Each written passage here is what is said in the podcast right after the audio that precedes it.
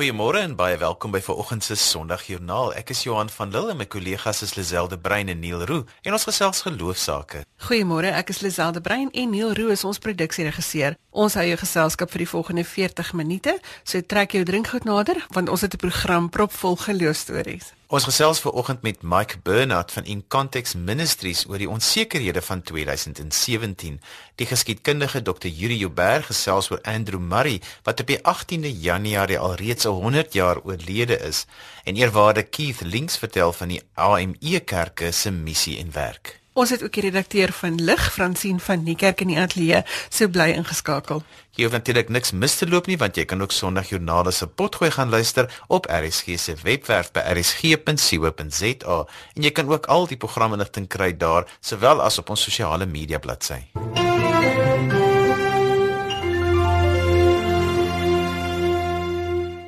Mike Bernard van In Context Ministries is saam met ons in die ateljee vanoggend en ons gaan ondersoek instel na die 10 dinge of soveel as wat ons kan waarvan die wêreld onseker is in 2017. Goeiemôre Mike. Hallo Lisel, lekker om weer hier te wees. Mike 2016 is gekenmerk deur ongekende chaos en oorlog en op die oog af dink mense dat daar iets goeds daai kan kom nie, maar tog het Christene in Aleppo vir die eerste keer in 'n lang tyd Kersfees kon vier. En die kerkklokke is in 'n klein dorpie van Bartel in Irak vir die eerste keer gelei in 3 jaar. Hoe gaan 2017 lyk? Veral miskien met die klem op hoe gelowiges na dinge moet kyk. Ja, weet julle, ons kyk veral na die bekende onbekendes. So daar's sekere tendense wat ou uit die verlede kan pyl wat jy kan weet hierdie dinge gaan op 'n minder of 'n meerdere mate voortgesit word maar ons is net nie seker die omvang daarvan nie. Jy kyk byvoorbeeld na die vlugteling kwessie wat die storie van ons tyd is, né? Nee. Jy kyk na die hulle noem dit displaced people, 65.3 miljoen mense vandag wat ontwortel is, wat wat net 'n stukkie menswaardigheid ergens in die lewe soek. Dit is een van die bekendes. Ons weet die vlugteling kwessie gaan voortgaan. Ons weet die oorlog in Sirië gaan voortgaan. Ons weet die oorlog in Irak en Mosul en Palmyra en die plekke gaan voortgaan. Maar tot watter mate weet ons nie. Maar wat ons wel weet is dat dit vir die kerk en vir elke gelowige een van die grootste geleenthede van ons generasie skep. Die 65 miljoen mense wat na Europa vlug wat intern ontwortel is, skep 'n geleentheid vir die evangelie van Jesus Christus om by mense uit te kom. Ek persoonlik, veral na ons navorsingsbesoeke verlede jaar aan Duitsland, aan Europa en aan Libanon en ook in Egipte, het ek werklik self tot die besef gekom dat ons staan in 'n seisoen van oes soos nog nooit tevore nie. Is mense besig om die vergifnis, die liefde, die menswaardigheid, die hoop en die die eer wat die evangelie in Christus aan die kruis gebring het vir ons te besef. Toe die vlugteling kwessie gaan voortgaan, dit weet ons. Tot hoe mate weet ons nie. Die tweede onbekende wat natuurlik voorlê is die feit dat Amerika met 'n nuwe president sit. Meneer Donald Trump is ingehuldig op Vrydag, so ons weet ons weet daar is 'n nuwe president tot hoe mate hy polities, jy weet, die wêreld gaan instap is op hierdie stadium onbekend, maar ek dink op hierdie stadium Lisel bied die media nie die volle prentjie nie. Ek dink die media is geweldig negatief en ek dink daar's iets waaroor Christene geweldig opgewonde kan wees met meneer Trump. Ten spyte van sy, soos die Engelse graag sê, sy flawed character, is daar werklik iets wat die Here besig is om te doen. Ons weet in Daniël 20 sê dit tog dat God stel leiers aan, God bepaal seisoene. So ons het nie twyfel in hierdie stadium nie dat meneer Trump is nie vir 'n termyn aangestel nie, maar deur God vir 'n seisoen. En hierdie seisoen behels die oorloë in Sirië, dit behels die oorloë in Irak, dit behels die Islamitiese staat, dit behels alles wat gepaard gaan in die tyd waarin ons lewe. Maar wat die media ons nie vertel nie, is dat meneer Trump in hierdie stadium in 'n kongres instap wat op die 3de Januarie 2017 ingestel is en 91% van die huidige Amerikaanse Kongres is Christen, bely dat hulle Christen is.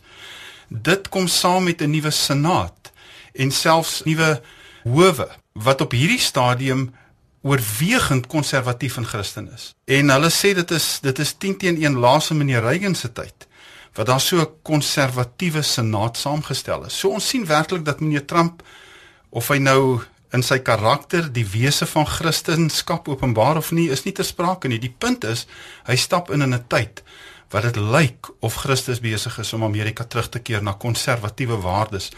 Ehm um, Amerika stuur soveel sendelinge uit soos die sewe topnasies gekombineerd wat na hulle volg. So Amerika is die grootste uitvoerder van die evangelie. Konservatiewe waardes in Amerika gaan iets groot begin beteken vir sending en en oor die algemeen vir die verspreiding van die evangelie tot aan die uiteindes van die wêreld. Lisel ons kyk na land so Sirië. Soos jy tereg gesê het, vir die eerste keer in 5 jaar het die mense in Aleppo weer Kersfees gevier. Um, ons het kontak en ons het werkers in Aleppo self. So ons het die die nuus deurgekry, die fotos deurgekry van Kersbome wat weer in Aleppo opgerig word. Wat 'n vreugdevolle tyd.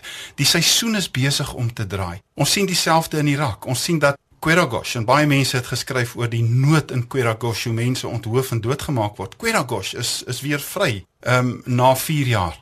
Ons sien Bartella wat kerkklokke weer vir die eerste keer lui. Ons sien God is aan die beweeg. Ons kyk na die die stryd, jy weet in Rusland, eh, die nuwe koue oorlog tussen Rusland en die weste. Ons kyk na die hele stryd rondom die Oekraïne.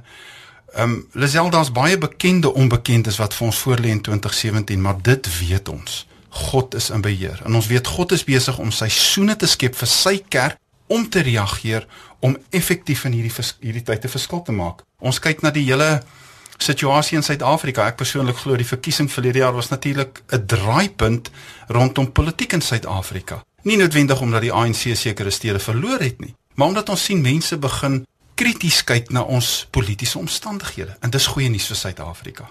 Kan ons ook net 'n oomblik stil staan by Engeland wat besig is met Brexit? Ja, Brexit is natuurlik ek dink vir meeste mense 'n skok geweest verlede jaar en ons sien dat van die 28 Europese lande het het Engeland gesê ons wil nie meer deel wees van die Europese Unie nie. Ons sien in hierdie jaar natuurlik het Duitsland sy verkiesings, Frankryk het sy verkiesings wat deurslaggewend gaan wees. Mense praat alkaar van Brexit, jy weet van die Franse wat die Europese Unie wil verlaat. Mense praat van Austrië wat die Europese Unie wil verlaat. Ons kyk na Geert Wilders in Holland wat wat baie patrioties Hollands is wat nie vlugtelinge wil toelaat nie. En ons sien daarso kyk ons al alreeds na mense wat die Europese Unie wil verlaat.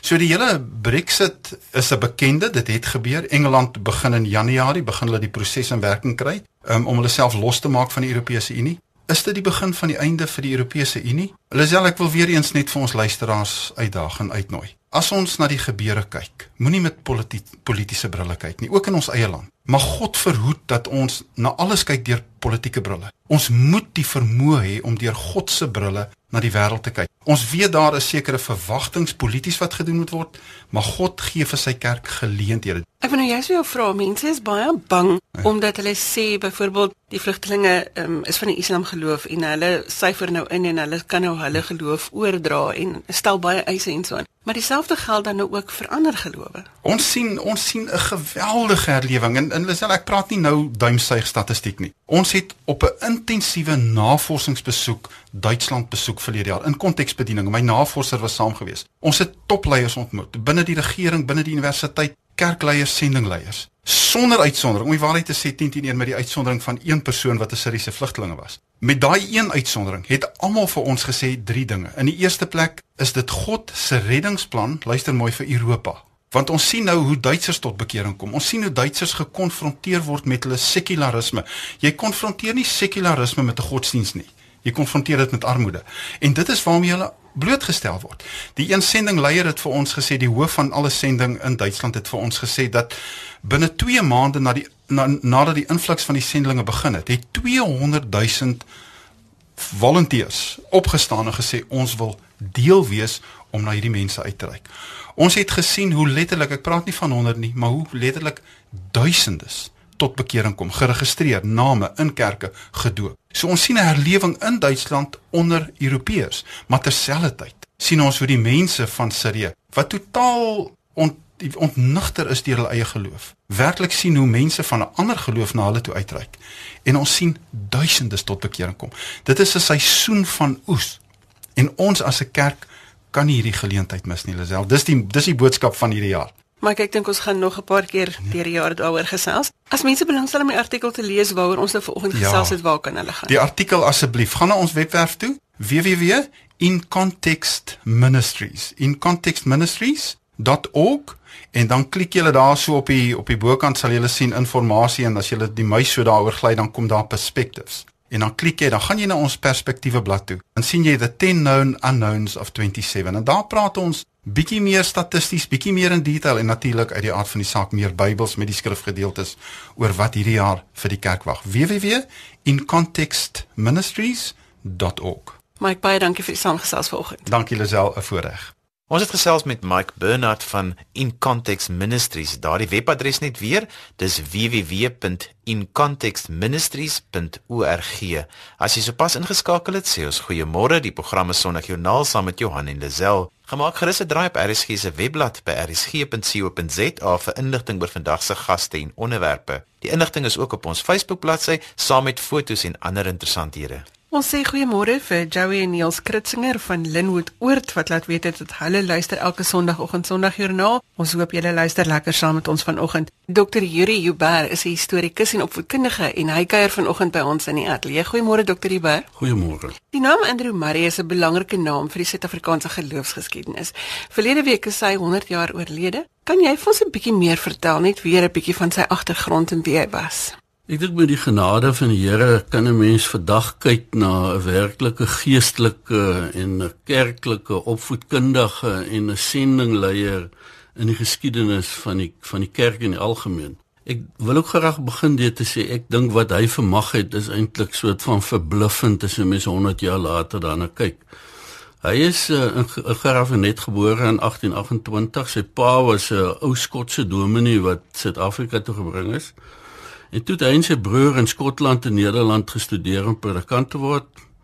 Hy was in vier gemeentes: Bloemfontein, Woester, Wellington en Kaapstad tussen die jare 1848 en 1906. Hy was 6 keer 6ste myne gedien as moderator van die NG Kerk in Suid-Afrika. Hierdie maar wat is dit wat hom so laat uitstaan? Wat het hy anders gedoen wat so impak gelaat het? Goed, mense moet dit nou beoordeel teenoor die tyd wat hy gel, eh, wat hy gelewe het. Maar hy het onvermoeide reise as 'n evangelisasie bedienaar gehad. Uh, toe in Bloemfontein was, was hy die hele Vrystaat in Transvaal. Daar was geen ander dominee, hy was kort na die na die groot trek gewees. So alle mense het hom geken.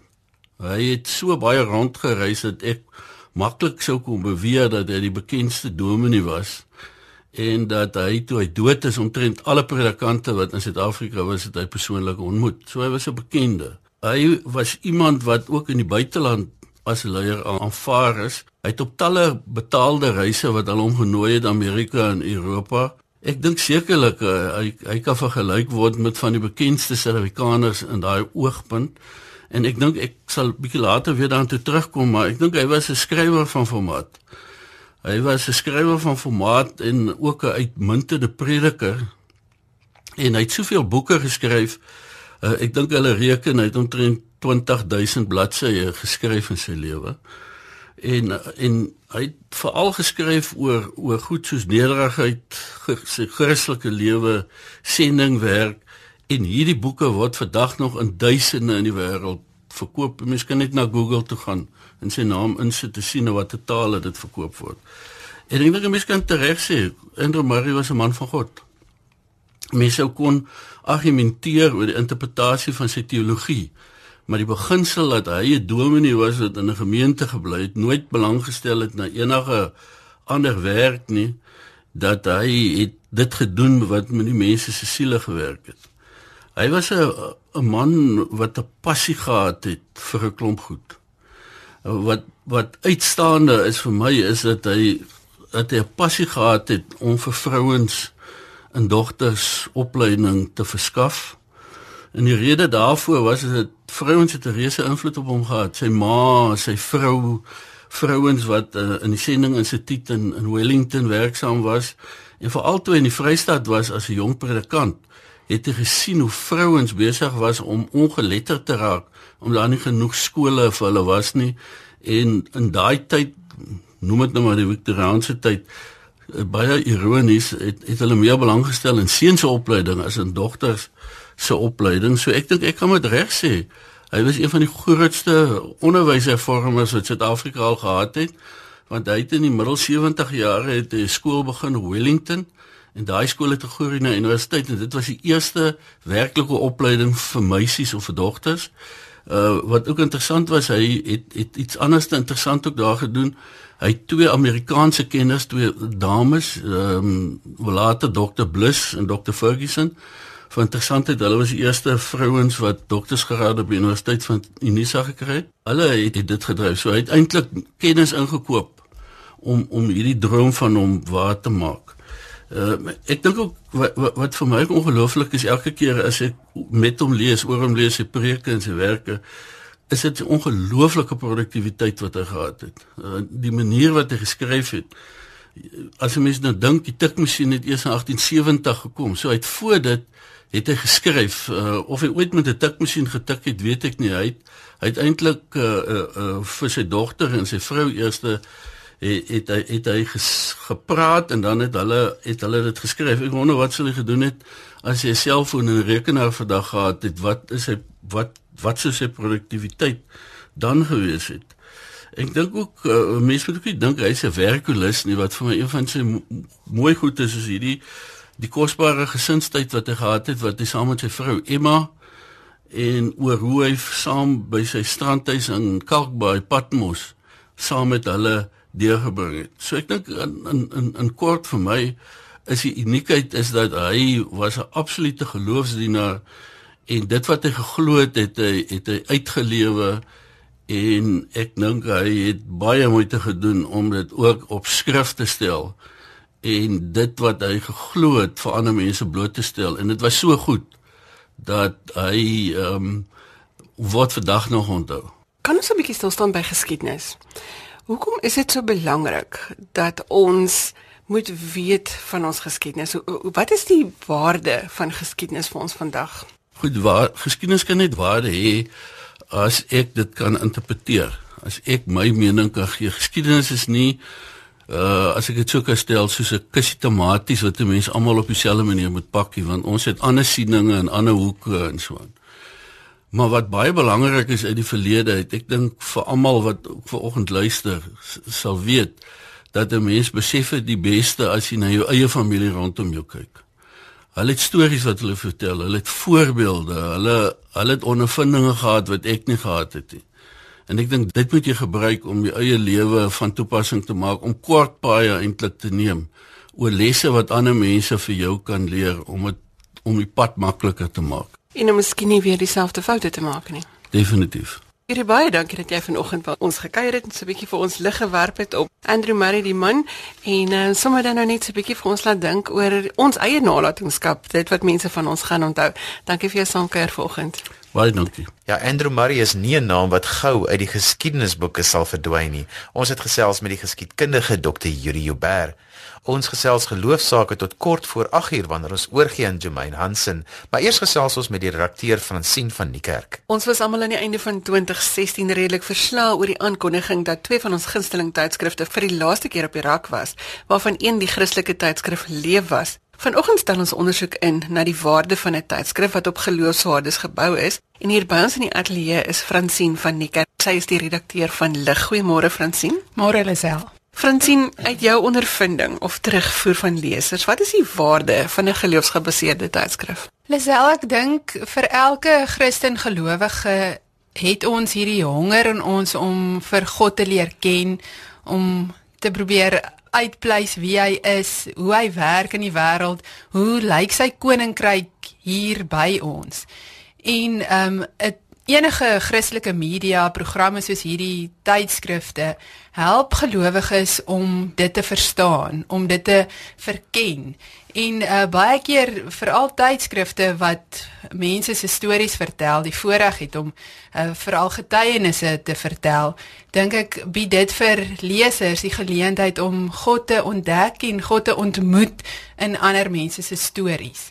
So die waarde daarvan is dat ons op 'n manier ons geloof begin verstaan en vir God begin verstaan in ander stories of artikels wat deur kundiges geskryf is wat die ervaring het en die kennis het en ehm um, daarin dan vir Christene die waarde van 'n uh, verkenningstog in hulle geloof te gee. En ek dink die lekker daarvan is dat dit kort artikels is wat lekker afgebreek is en met fokus op die op die kernpunte.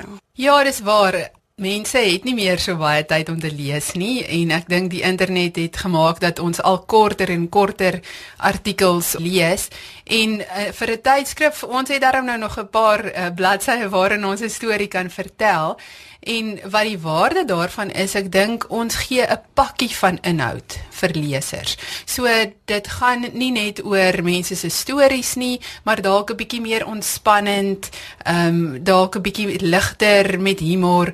So daardie hele pakkie dink ek bied 'n lekker spektrum van wat 'n gelowige se lewe behels. Sy met ander woorde, jy het 'n lekker versameling waar jy vir 'n mamma kan raad gee hoe om haar kind groot te maak, maar daar's ook vir haar byvoorbeeld 'n getuienis in om te lees oor hoe 'n ander vrou glo en byvoorbeeld 'n storie. Ja, dit is nou presies soos wat jy noem, ehm um, die balans van die diepte, maar dan ook 'n bietjie nie noodwendig oppervlakkig nie, maar on, dele daar is dele van ons lewe wat nie so ernstig en dalk die dieper geloofsaspekte nie, maar die fondament van ons oortuiging is altyd daar en vanuit daardie oortuiging dat ons glo Jesus Christus is ons verlosser, die Vader het hom gestuur om die mens om te kom red en die Heilige Gees bekwam ons, uh, maak ons bekwam en uh, rus ons toe om om dit uit te leef. Vanuit daardie fondament het ons dan 'n hele spektrum van onderwerpe wat ons kan aanraak en waar ons mense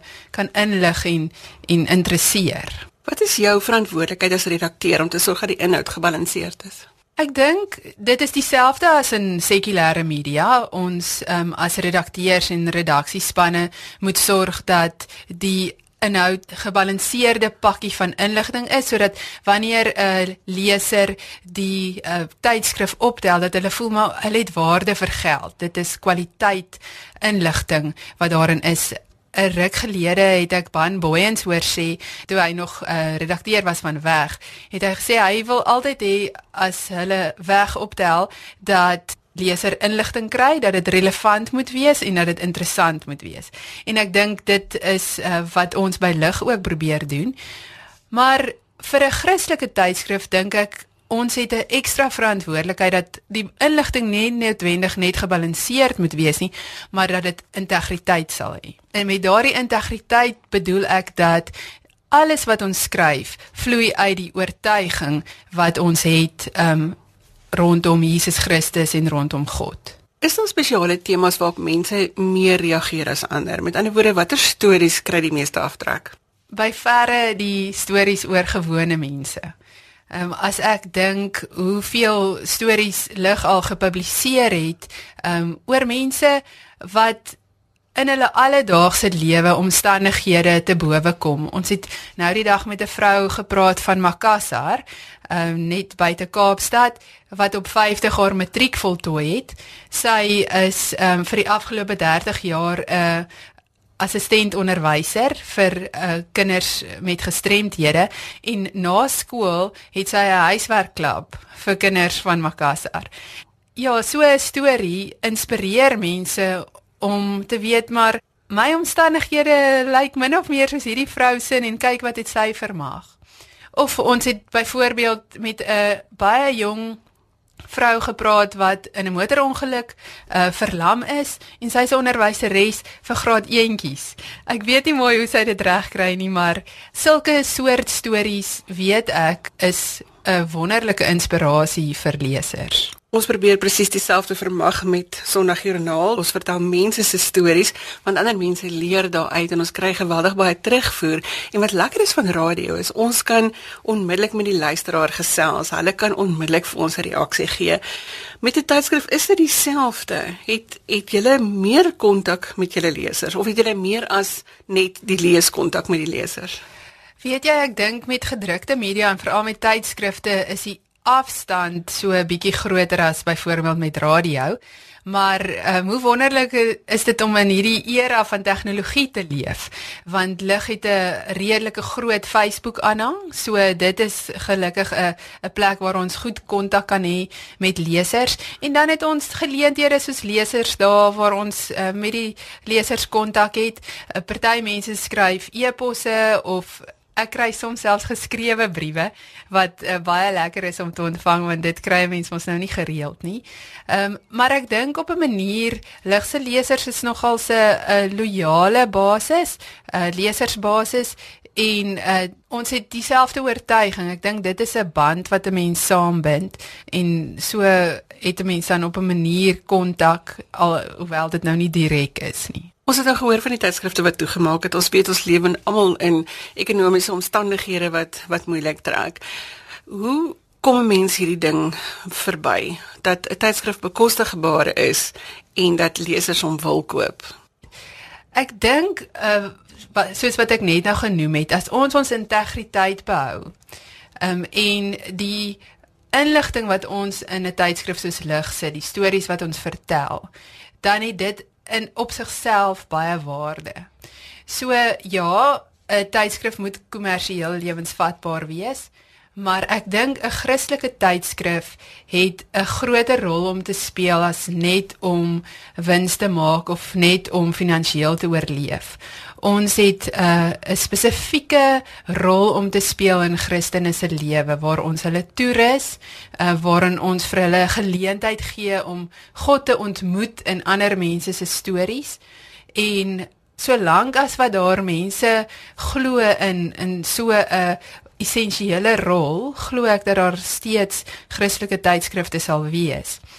En dit is my hartseer dat 'n uh, tydskrif soos dit leef moes toemaak want die balans tussen hierdie kommersiële lewensvatbaarheid en die rol wat dit in die Christelike gemeenskap speel neem bietjie oor en dit is eintlik die bottom line soos hulle sê en ongelukkig moes daar dan nou 'n tydskrif toemaak en ons Christelike gemeenskap is armer as gevolg daarvan.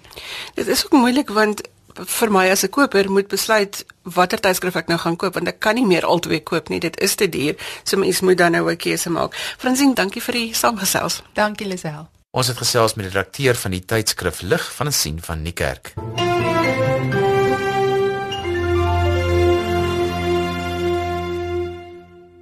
Eerwaarde Keith Links is die leraar van die Zion AME Kerk op Woester en hy sluit vanoggend by ons aan om te gesels oor die werksamehede van die African Methodist Episcopal Church. Eerwaarde Links, goeiemôre. Goeiemôre Lisel, baie dankie vir die geleentheid wat ek het om in besonder oor die radio oor die African Methodist Episcopal Kerk te gesels. Het ek nou daardie naam reg uitgespreek? Het hom net so klein bietjie geknak. ek het geweet hy gaan my knak. Hier waar is ek my waar het die kerk sy ontstaan? Vanuit die St George's Methodist Episcopale Kerk in Philadelphia in Amerika. Die oorsprong dateer sover terug as 1787. Uh eh, Richard Allen, die stigter en vader van die African Methodist Episcopale Kerk, was gebore op 14 Februarie 1760 in Germantown, Philadelphia. Hy was gebore 'n slaaf en sy eienaar was 'n ene meneer Benjamin Chew, 'n prokureur kort na sy geboorte word hy en sy familie verkoop aan 'n ene meneer Stockley van Delaware naby Dover. Nou Richard Allen Lazelle was 'n hardwerkende jong man en in 1786 koop hy sy vryheid vir die bedrag van 2000 dollar. Hy keer terug na Philadelphia en sluit aan by die St George's Methodiste Kerk is onder sy vriende het hy getel biskop Thomas Cook, biskop Francis Asbury en Dr Benjamin Russ en groot besigheidsmense soos 'n meneer Robert Ralston. Dit is onder die prediking van Freedom Garrison, 'n rondreisende Methodiste predikant. Kom Richard Ellen op die ouderdom van 17 jaar tot bekering en op 22 jarige ouderdom word hy orden as 'n predikant in die Methodiste Kerk. Nou by die St George's Methodiste Kerk was Richard Allen toegelaat om vir die swart mense by die 5 uur kerkdienste te preek. En daar ontstaan toe by die swart mense 'n sterk begeerte om hulle eie plek van aanbidding te bekom, 'n plek waar enige persoon ongeag van ras of kleur God vrylik en sonder verwerping kan aanbid. En as gevolg van die beperkings wat op hulle geplaas is, die diskriminasie het Richard Allen hom onttrek en neem saam met hom Absalom Jones en William Cray en nog ander 17 mense. En dit is hier wat Richard Jan oorweeg toe om 'n aanskool waar hy sy mense kan leer en hulle self te kan help. En dis uit hierdie aanskool ontstaan die kerk se filosofie vir opvoeding met die klem op selfhelp. Met ander woorde, ons kerk, die African Methodist Episcopale Kerk, is 'n selfhelpkerk. Hulle leringe is eenvoudig en selfs die ongeletterdes kan dit verstaan. Dit is in 7 dit is in 1887 koop Richard Allen 'n ou smidswinkel op die hoek van 6de en Lombard Straat daar in Philadelphia wat hy omskep in 'n kerk en hy die eerste preekstoel was 'n ambeeld. Hy gebruik dit as 'n preekstoel en met die aanhaling soos wat 'n mens die eysterkap en smee en sy vonkespat so sal die woord van God uitgaan. En daarom het die IME Kerk 'n lese van God ons Vader, Christus ons verlosser en die mens ons broer. Eerwaarde as mense wonder hoekom ek die Engelse naam en hoekom jy die Engelse naam gebruik is omdat daardie naam nie in Afrikaans vertaal word nie. Dit bly die African Methodist Church. Yes, yes, yes, yes. Wat is die kerk se missie in Suid-Afrika? Die missie is baie eenvoudig. Is die missie van die IME Kerk is om die sosiale, geestelike en fisiese ontwikkeling van alle persone te onderrig. Dit beteken hulle is daar om om te help om uit te reik na ander om op alle vlakke van die koneksie van die kerk en op alle lokale vlakke die IME kerk te betrek en dit uitvoer van die gees van oorspronklike vrye Afrika samelewing. En buite die IME kerk te bevorder om uit, uit te reik na hulle wat verlore is.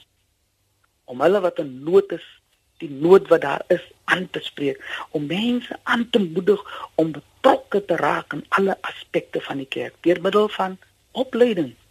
En die doel lesel daarvan is om die goddelike Bybelse beginsels beskikbaar te stel om Christus se bevryende evangelie te versprei om voortdurende programme te voorsien aan alle persone rakende die sosiale ontwikkeling wat daar ontstaan. En dit is om die kerk op alle vlakke te bedien.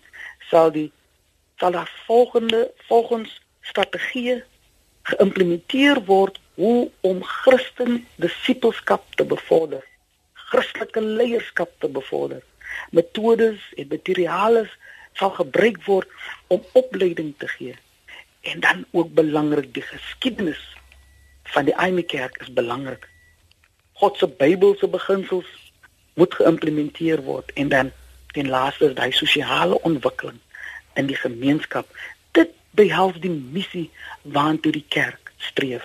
Ek wil nou juist vra oor die rol van die gemeenskap. Ons weet nou in elke gemeenskap waar daar 'n kerk is, speel geloof 'n groot rol. In Woester en inderdaad dan ook reg oor die land, watter rol speel die kerk in die gemeenskap daar by julle?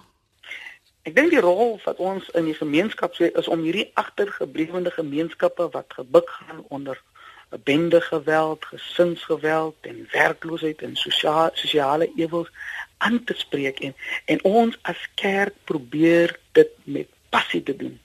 Die kerk se taak is om uit te reik vir hulle wat sonder brood saans gaan slaap om vir hulle wat werkloos is wat wat geen huisvesting het nie is om vir hulle te help wat wat wat intelligent genoeg is om verder te studeer. Die kerk se taak is om uit te reik na hulle toe. Hier in ons gemeenskap is ons kerk daarvoor bekend hier in Woester om elke dag vir 250 kinders 'n warme bord kos te gee.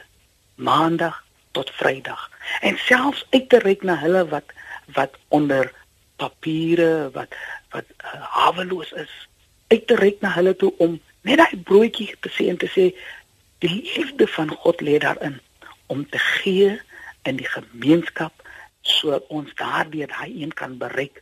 Miskien kan daardie se lewe verander word deur hy warme bord kos wat uitgereik word om daai een beter te laat voel Miskien gaan hy gebuk onder 'n uh, 'n uh, uh, daar's nie kos op die tafel nie en en die kerk maak sy deure oop elke dag om kos uit te reik. Uh en daarom daarom is dit vir ons belangrik om nie net by die kos te bly nie, maar dat ons ook kledingstukke vir persone kan gee wat lanklaas 'n mooi ordentlike broekie of 'n hempie gekoop het en deur middel van dit ook uit aan hulle te gee. Eerwaarde en jou eie persoonlike geloofspad wanneer jy werk in die gemeenskap. Watter verskil maak geloof vir jou? Myself vir my is dit belangrik om elke oggend ek begin elke oggend 6uur begin ek bid met 'n groep persone want dit is vir ons belangrik dat gebed die baie belangrikste gedeelte in jou lewens is. Ons baseer ons geloofslewe op drie dinge in dat ons die woord lees want dit is al manier hoe die woord saam met jou kan terugpraat. Wanneer ons die Bybel lees, wanneer ons soggens bid, praat ons met die Here en dat ons die Heilige Gees sal innooi in alles wat ons doen om daardeur ons geloof te versterk sodat mense kan sien dat dit wat ons doen doen ons nie om gesien te wil word nie maar dat dit oor geloof in ons eie persoonlike lewe dat dit daaroor gaan Eerwaarde baie dankie dat u vanoggend vir ons 'n bietjie die geskiedenis van die AME Kerk vertel het en dat u vir ons 'n bietjie ontsluit het ook van julle werk in die gemeenskap. Baie baie dankie self en al die sterkte vir julle werk wat julle doen op die radio. Eerwaarde Keith links was 'n gesprek met Lazel. Die tyd vlieg so vinnig verby en ons is al weer aan die einde van ons program. Ek groet tot later vandag wanneer ek weer agter die mikrofoon inskuif vir ons in die onderwys. Net hierna Jermaine Hansen met die Bybelstorie en dan die 8uur nuus. Vir my Johan van Lille tot volgende week. Totsiens. Jy kan vir my e-pos met kommentaar of as jy 'n geloofstorie met ons wil deel by Lazel by www.media.co.za of jy kan ook vir ons 'n boodskap stuur deur die webwerf by rsg.co.za. Tot volgende week groet ek namens produksieregisseur Neil Roo. Maak 'n verskil in iemand se lewe, reik uit, maak iemand se dag makliker. Totsiens.